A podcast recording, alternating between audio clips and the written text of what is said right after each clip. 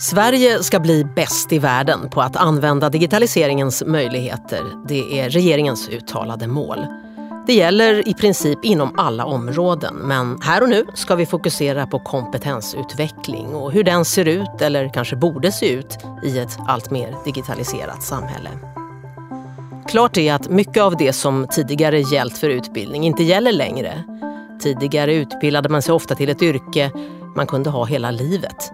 Nu är det livslångt lärande som gäller med ständig kompetensutveckling. Och frågan är hur ska det gå till? Hur hela samhället ska kunna omfattas av den här omställningen och inte minst vilken roll den artificiella intelligensen och digitaliseringen i sig kan spela.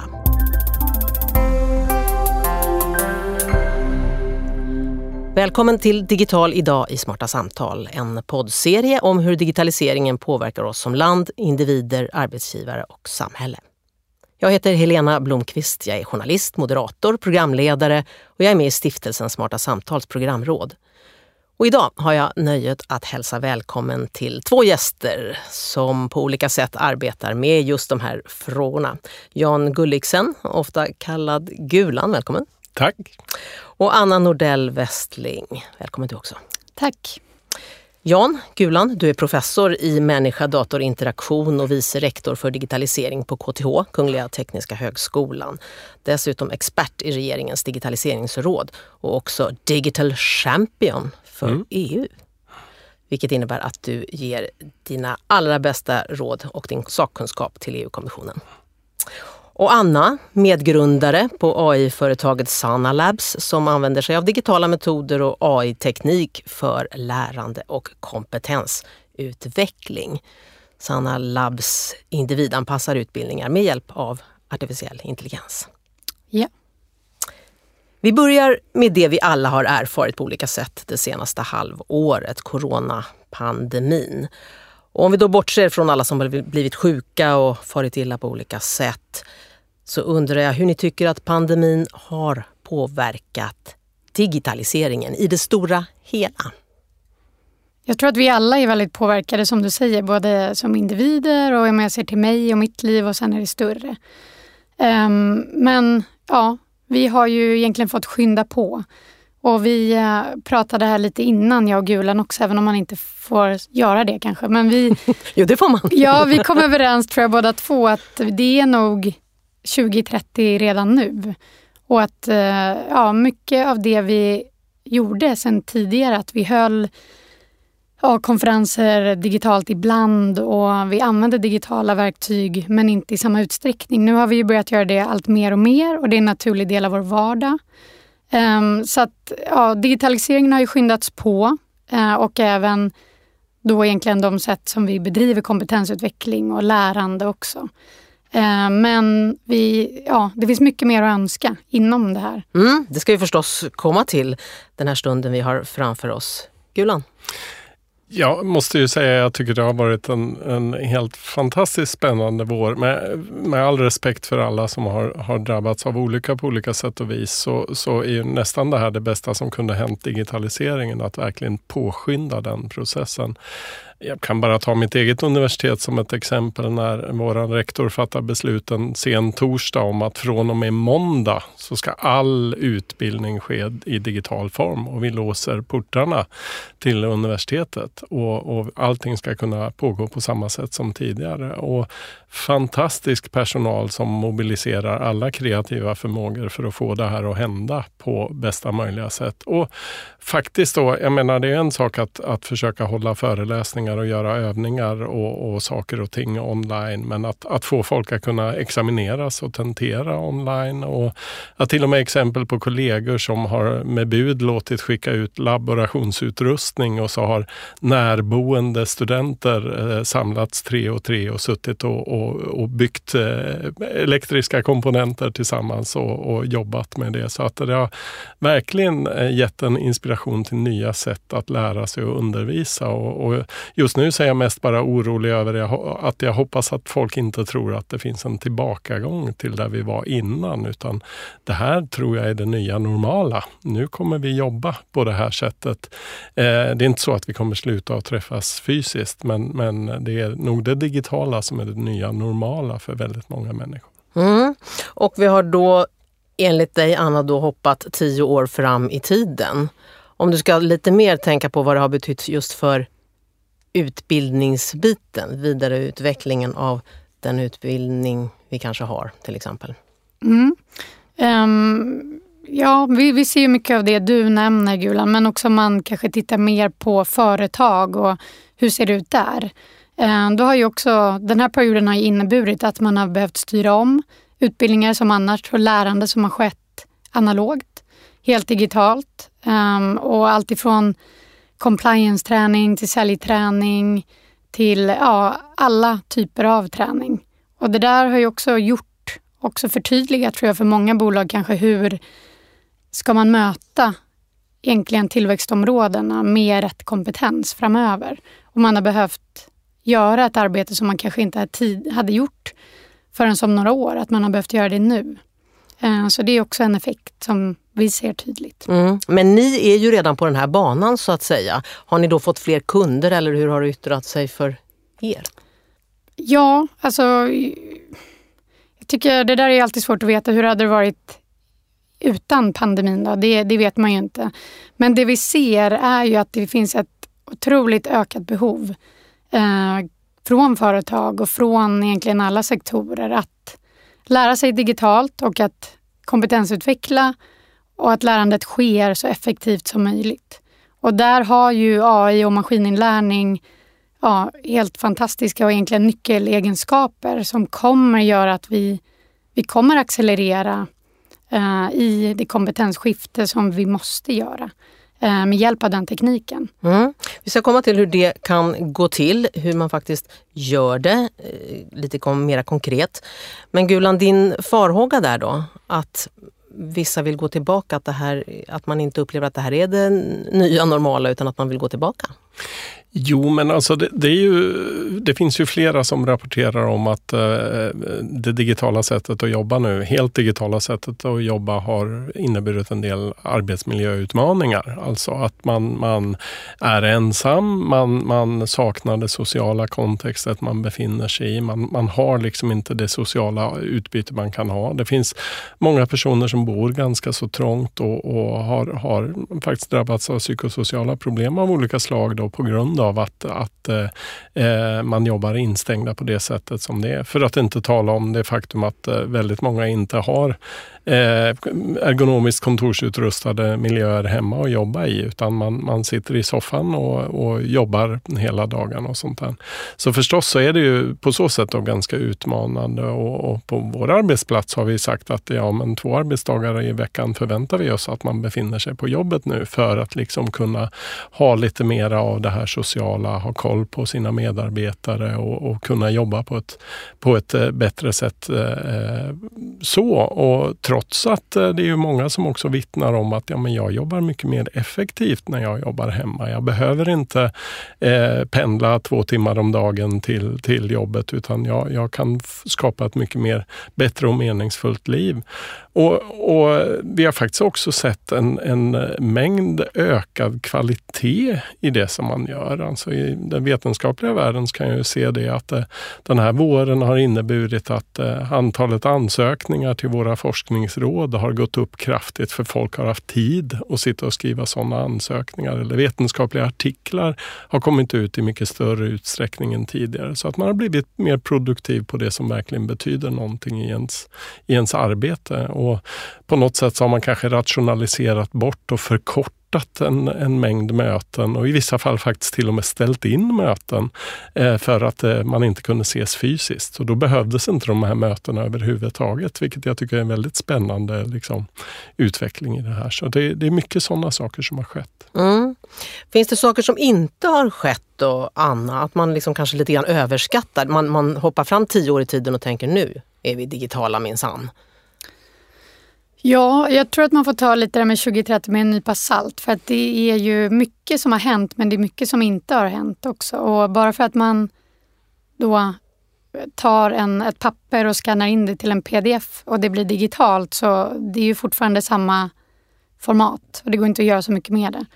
Eh, så där finns det ju mycket ytterligare att önska kring hur vi kommer behöva utveckla både lärande och kompetensutveckling över tid. Och, och, precis som, som Gulan, som du säger, det är fantastiskt allt man kan göra över distans och det har vi ju verkligen upptäckt, tror jag, många av oss och använder nu det dagligen. Uh, olika typer av digitala verktyg, men det går att göra ännu mer. Mm.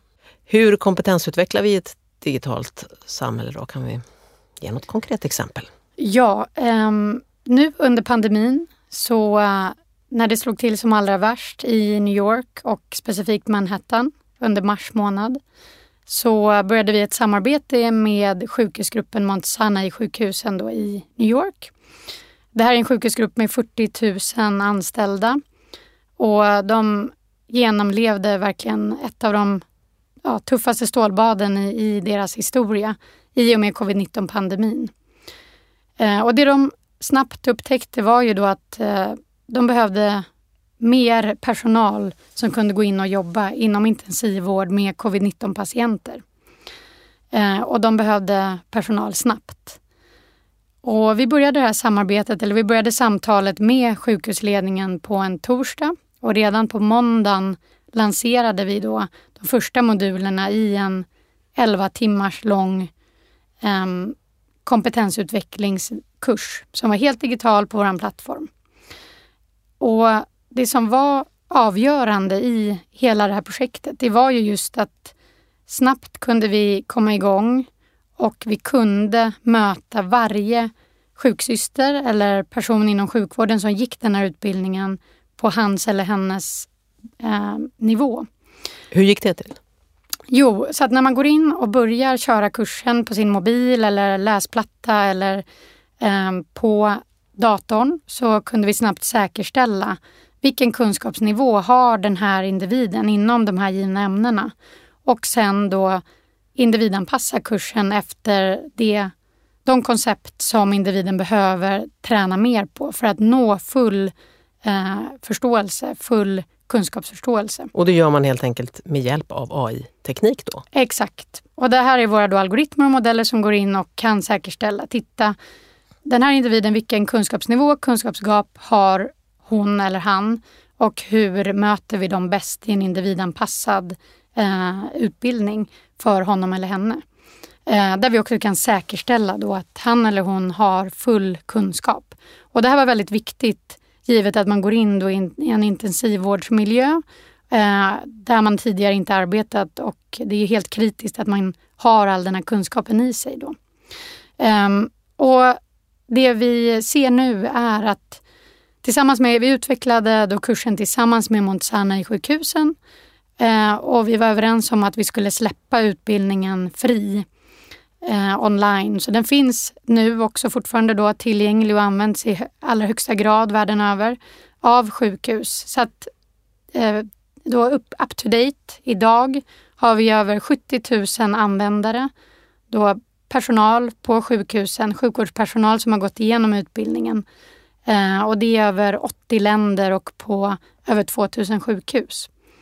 Eh, så det här är ju verkligen ett konkret exempel på hur kan man effektivt kompetensutveckla. Så i det här fallet så innebar ju det att en kurs som om man hade kört den analogt hade Ja, sjukhusledningen uppger att då hade det tagit eh, tre till fyra veckor för en person att gå igenom den här utbildningen. Eh, nu kunde vi säkerställa att det var den längsta tid man skulle behöva lägga 11 timmar. Men om jag då förstår dig rätt, så med hjälp av AI så tar man reda på vad varje person behöver kunna utifrån kunskapsläget som den personen har. Man gör en utbildning som är väldigt mycket kortare intensivt på det som den personen behöver och då kan man korta tiden för utbildningen väldigt, väldigt mycket då. Exakt. Gulan, vad säger du om det här? Det här låter som att man kan gå KTH på tre år istället för fem år. Vilket man nog skulle kunna göra, ja. Sen är det kanske inte som så att man ska säga att det här handlar om att gå igenom en, en civilingenjörsutbildning på tre år istället för fem, men kanske faktiskt fylla den med mer nytt, relevant och viktigt innehåll så att man är helt up to date med det nya och var man var man befinner sig eh, överhuvudtaget i kunskapsläget. För idag, så, särskilt inom det digitala området, så förändras kunskapen hela tiden. Så att det viktiga är kanske inte exakt att man har liksom betat av ett visst curriculum av, av det man ska kunna, utan det kanske snarare att vi har lärt oss att lära oss För jag tror att man kommer behöva fortsätta att lära sig nya saker hela sitt yrkesliv igenom. Som man då snarare kan uppmuntra med att nu har du tagit dig till den här nivån, då kan vi ta oss vidare och levla i det här för att ta dataspelstermer i vad man tar och på så sätt liksom utnyttja det utifrån dina egna personliga eh, behov. Då i det. Mm. Och hur bra är, är, är eh, den världen du befinner dig i, alltså den akademiska världen, på att anamma de här sakerna? Alltså, i, I vissa lägen kan jag ju säga att vi är stockkonservativa och inte förändras i den utsträckning som, som man vill och kanske tycker att man behöver. Men å andra sidan så har jag massvis av fenomenalt duktiga kollegor som är, är jätteduktiga och kreativa på att eh, ta nya steg och utveckla sig vidare i det här. Men det här är ju ett komplicerat system där många olika aktörer måste liksom vara med och lira för att det här ska fungera på ett bra sätt. Det handlar inte bara om att universiteten behöver ställa om utan här behöver liksom eh, individerna som går och, och pluggar och lär sig saker och ting och ska fortsätta lära sig saker och ting hela livet vara beredd på att jag går inte en universitetsutbildning i fem år för att sen gå ut därifrån och aldrig mer sätta mig på skolbänken utan jag kommer behöva fortsätta att göra det här. Här behöver företagen förstå att eh, jag måste nog investera, vi måste nog investera i vår personals eh, fortlöpande kompetensutveckling för att de ska fortsätta att vara relevanta och kunniga i det här.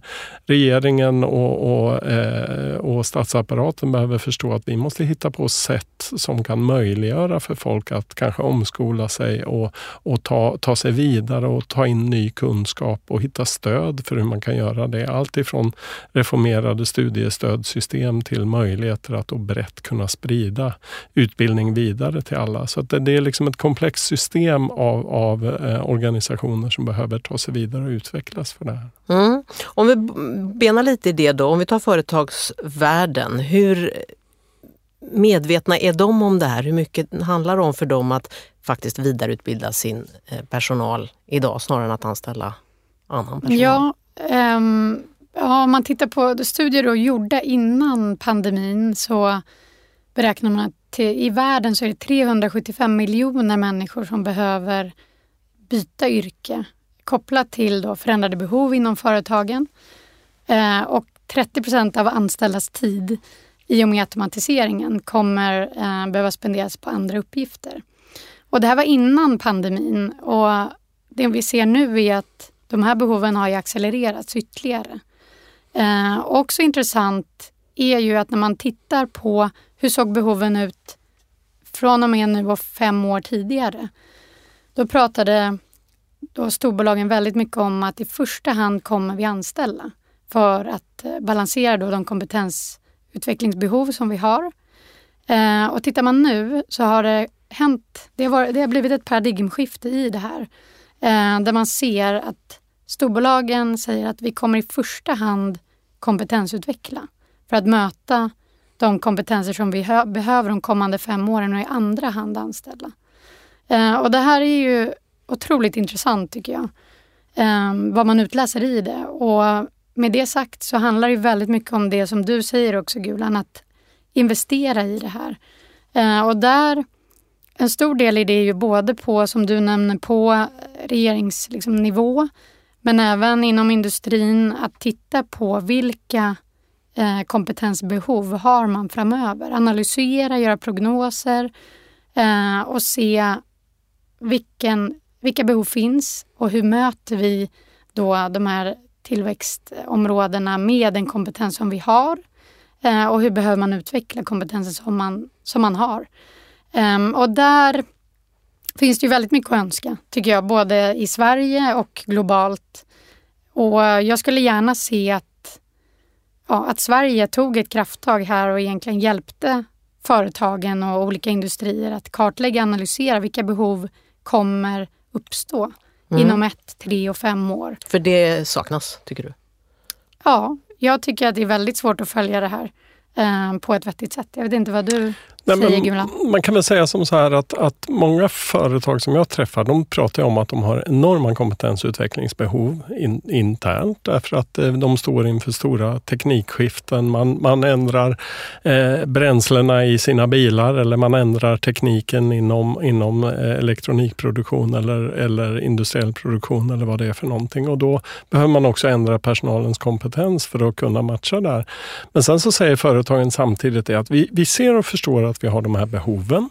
Men eh, vi, vi kan inte släppa personalen från liksom, eh, produktion för att gå in och utbilda sig därför att vi behöver dem fullt ut i det här. Så att de säger eh, till universiteten, kan ni ta fram utbildningar som är gratis och som man kan göra eh, utanför sin arbetstid men som inte inkräktar så mycket på fritiden då, för vi vill ju inte förstöra det. Så att man, liksom, man målar upp nästintill en omöjlig arbetsuppgift och, och, och lösa inom ramen för det här. Men jag tror att man förstår väldigt väl behoven av det här på företagen. Men däremot att komma till att värdera det här i, i pengar, hur mycket kan vi faktiskt investera och lägga på det här? Det, det är fortfarande någonting där det behövs lite mer av ett kulturskifte i näringslivet tycker jag. Mm. mm. Och hur men, ska man få till ja. det? Ja, men ett intressant exempel som är väl värt att nämna och det finns många fler. Eh, det är till exempel AT&T, då det, det stora telekombolaget i USA. Ehm, de har gjort en genomlysning och analyserat okay, vilken kompetens har vi internt och hur ser, vilka är våra tillväxtområden eh, framöver. Eh, och det man har då sett, de har 250 000 anställda på AT&T och då har man kunnat se tydligt att 100 000 anställda eh, har inte tillräcklig teknisk kompetens. Ehm, och man har också sett att Eh, majoriteten eh, av anställda också jobbar inom delar som är hårdvarurelaterade. Och en stor del av den yrkesgruppen kommer, vara, kommer inte behövas inom tio år. Och det man har gjort då är att man har egentligen investerat en miljard dollar i utbildningsinitiativ för att kompetensutveckla. Och just knutit sig an universitet, man har eh, köpt in i onlineutbildningar och satt upp ett karriärcentrum med mera. Så jag tror också att, att man får eh, verkligen förstå att, eh, att mycket av möjligheterna finns med investeringar inom, inom lärande och inom de här sektorerna. Mm. Att de kommer inte gratis, som du säger. Men om, om jag får fylla på vidare i det där också, så är det som så att nu pratar vi om väldigt specifik specialiserad kompetens, men det finns också ett väldigt stort behov av breddkompetens inom det här. Kollegor hos mig har ju tittat till exempel inom AI, artificiell intelligensområdet, att, att 20 procent av behoven, det här är deras bedömning mellan tummen och pekfingret, är den här typen av specialistkompetens. Men 80 procent av behoven handlar om bara ren beställare kompetens förstå vad är AI för någonting? Vad behöver jag som chef veta för att mitt företag ska kunna börja jobba med den här, här tek tekniken på, på något sätt? Då vänder vi oss till någonting där vi försöker nå den stora allmänheten och då kan man inte riktigt heller förvänta sig att det ska vara näringslivet som betalar för det. För de betalar ju givetvis, eller förhoppningsvis då betalar de för specialistutbildningen på den riktigt höga nivån. Men den här allmänna stora stora digitala kompetenslyftet som behövs. Det kan man inte finansiera på det sättet. Så hur, hur och vem ska betala det? Ja, men alltså för det första så måste vi ju förstå att eh, det krävs av oss som, som människor och individer att vi fortsätter att lära hela livet. Alltså vi, vi har gått ifrån en kultur där vi skaffade oss en yrkesutbildning eh, och när vi var, var eh, 22 till 25 år så klev vi ut i yrkeslivet för att aldrig mer sätta oss på skolbänken. Den tiden är ju borta. Vi kommer behöva fortsätta att investera i att fylla på i, i de här sammanhangen. Och hur ska man kunna göra det? Vem ska då betala för att allmänheten eh, gör det? Ja, då tror jag att det kommer handla mycket om i fortsättningen att man måste bygga upp utbildningar där man kan ta stora massor av studenter eh, och kunna automatisera både sättet man, man förmedlar kunskapen med, med uppgifter och onlineföreläsningar och, och peer review där man granskar varandra och examineras eh, av varandra på det sättet eller examineras automatiskt för att man ska kunna liksom ta det här på bredden. För att eh, samhället har inte råd med att, att så att säga förse eh, alla individer med 10-20 procent av sin arbetstid till, till eh, stadig kompetensutveckling. Mm. Men för att komma dit, och vi har pratat om företaget, vi har pratat om eh, det personliga ansvaret, lite grann om eh, den akademiska världen också. Men politiken då? Du Gulan sitter ju i Digitaliseringsrådet mm. som, som är ett regerings, en, av regeringen sammansatt och ni är en expertgrupp som ger lite råd och tips då till regeringen i de här frågorna. Mm. Vad, vad är det viktigaste ni säger till politiken? Det här måste ni göra. Ja, det här är ju särskilt till, till digitaliseringsministern då, som är ordförande i digitaliseringsrådet. Och, och eh, jag har suttit i den här typen av, av eh, organisationer då, sedan 2012 och den hetaste frågan högst upp på agendan hela tiden har varit kompetensutveckling och hur vi bygger digital kompetens. Så att det är någonting som stadigt är uppe på agendan. Och det intressanta här också det är att det här är en fråga som inte bara liksom rör utbildningsdepartementet och, och skolväsendet utan här ser ju näringsdepartementet då, då som tidigare digitaliseringsministern eh, tillhörde innan man delade upp det till ett infrastrukturdepartement och näringsdepartement att man behöver det här. Så det finns många som ser värdet av det här och inte minst arbetsmarknadsdepartementet också som ser att här, här skapar vi förutsättningar för att få folk som är utbildade och kommer i arbete och därmed också blir skattebetalare snarare än att behöva gå på bidrag eller andra former av ersättningar i detta. Mm.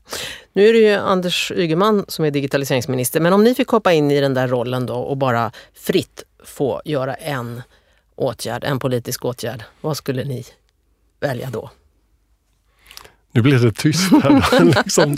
Ja, nu ska ni overrolla digitaliseringsministern här. Ja, nej men alltså det, det, alla är medvetna om att det här är svåra frågor och det är kompromisser som behöver, behöver göras för att kunna, kunna jobba med det här. Men det handlar ju om att skapa incitament för alla de här parterna att komma samman för att och definiera vidare hur vi kan jobba med att få de här frågorna vidare. För idag sker det här väldigt mycket i, i stuprör. Liksom.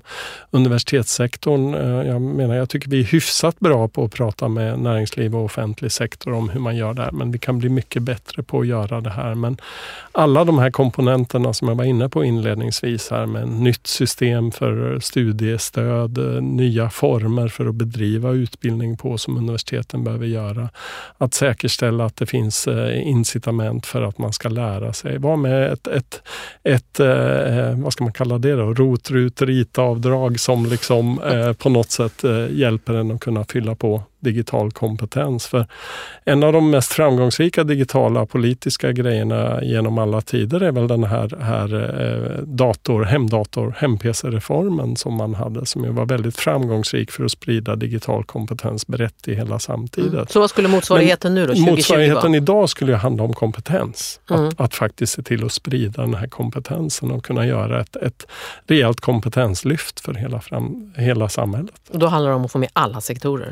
Ja, verkligen i det hela. För det här behövs i alla sektorer, inom alla områden. Liksom det finns, mm. finns inte många procent av de som arbetar som kan säga sig stå helt utanför det digitala samhället. Mm. Anna, vad har du för reform? Reform. Jag mm. håller med Gulan och jag tror väldigt mycket också på vad är, ja, men lite som vi pratade om, vad är då dagens hem-PC? Och där tror jag också jättemycket, man måste få med sig alla delarna.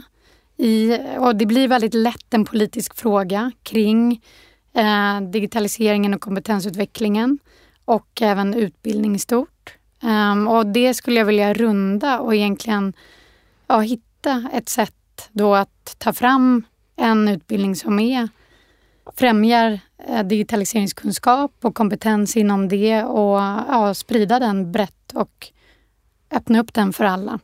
Jag tycker också det ligger viktiga frågor här i att faktiskt se till att det här med digital kompetens blir någonting som blir rumsrent också på lägre skolnivåer. Där, där idag jag kan tycka att det finns mera av, av motstånd mot att använda digital teknik i, i skolan och från politiken gentemot att använda det digitala i skolan. Där skulle jag gärna se att man välkomnade digitaliseringen mycket mer och, och skapade bättre förutsättningar för att utveckla en sunt förhållande till att använda digital teknik redan från förskoleklass och uppåt. Mm. För den gruppen i samhället, förskolan och de små barnen, de är ju definitivt mogna för det.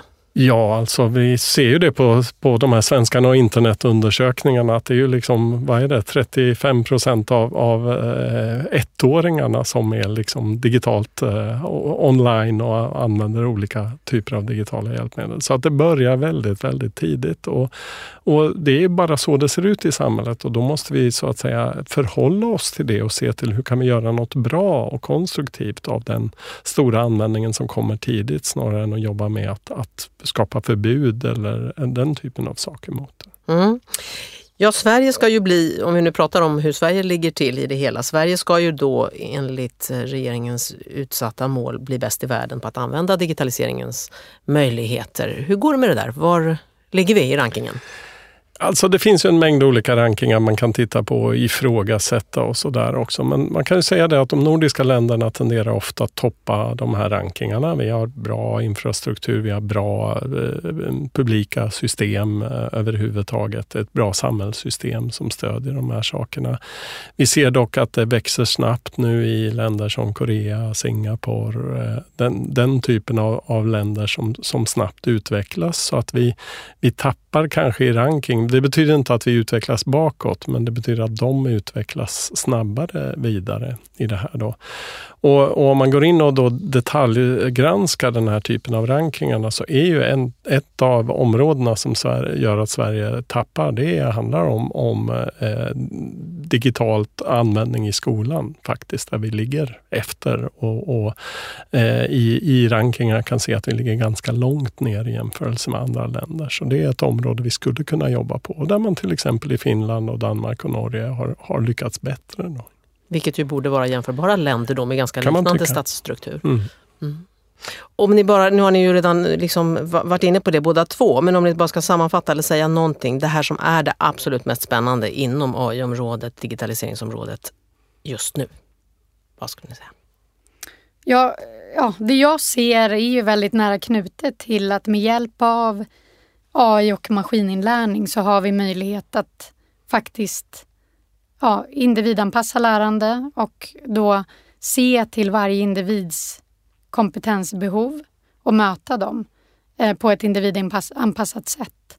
Eh, och det här gäller ju inte bara individ utan det är ju även i gruppen och i organisationen. Eh, och med det sagt så går det ju verkligen att kompetensutveckla på ett mycket, mycket mer effektivt sätt jag tycker man kan se det på det här sättet att eh, AI, maskininlärning, digital teknik överhuvudtaget. För, för inte så allt för många år sedan så var det någonting som var inlåst på industrigolvet eller som användes i ganska slutna sammanhang. I där. Nu är det allmän gods. Nu är det någonting som angår alla människor. Vi, vi råkar ut för det varje dag. Det har blivit liksom vardagsmat på något sätt och vi alla måste liksom förhålla oss till det här. Vi alla använder AI utan att vi kanske vet om det genom vad, vad vi gör med våra mobiltelefoner eller våra sociala nätverk och så vidare.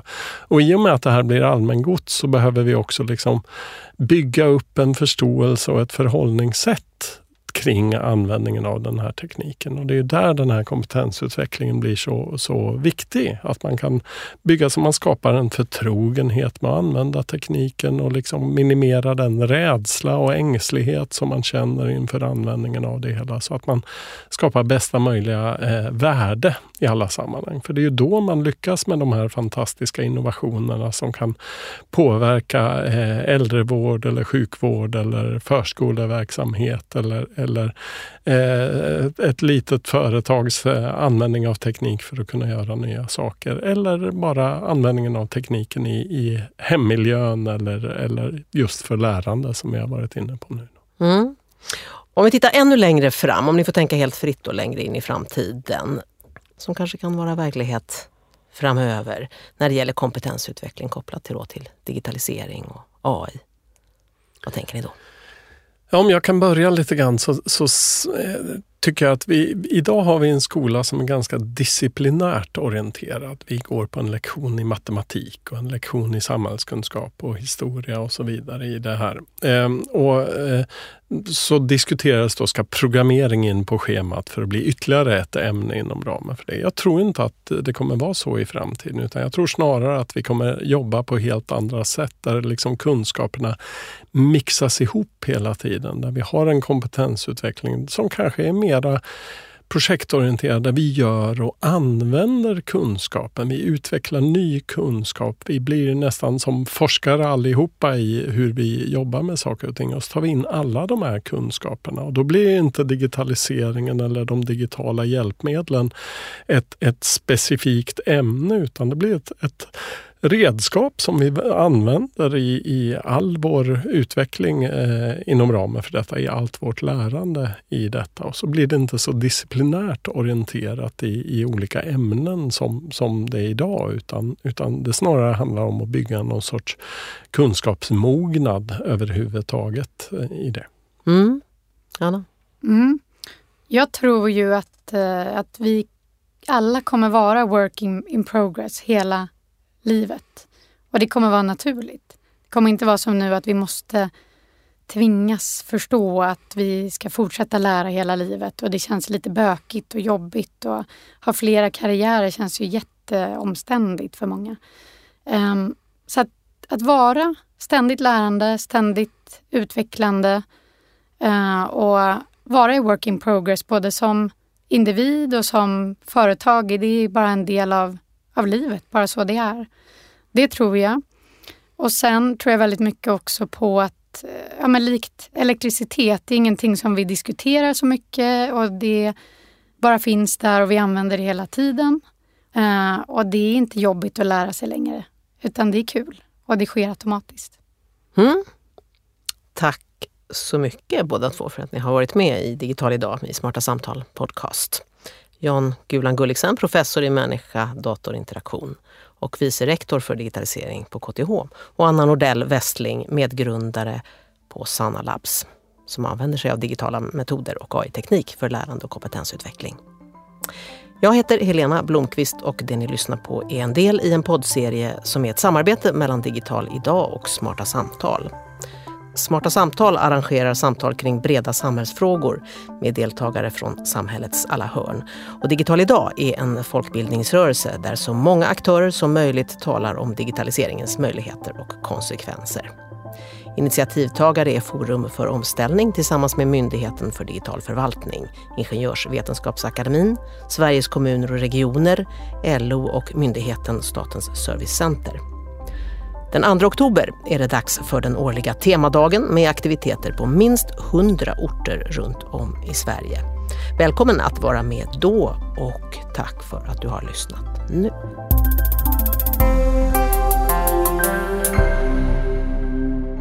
Det här programmet görs på Beppo. Beppo.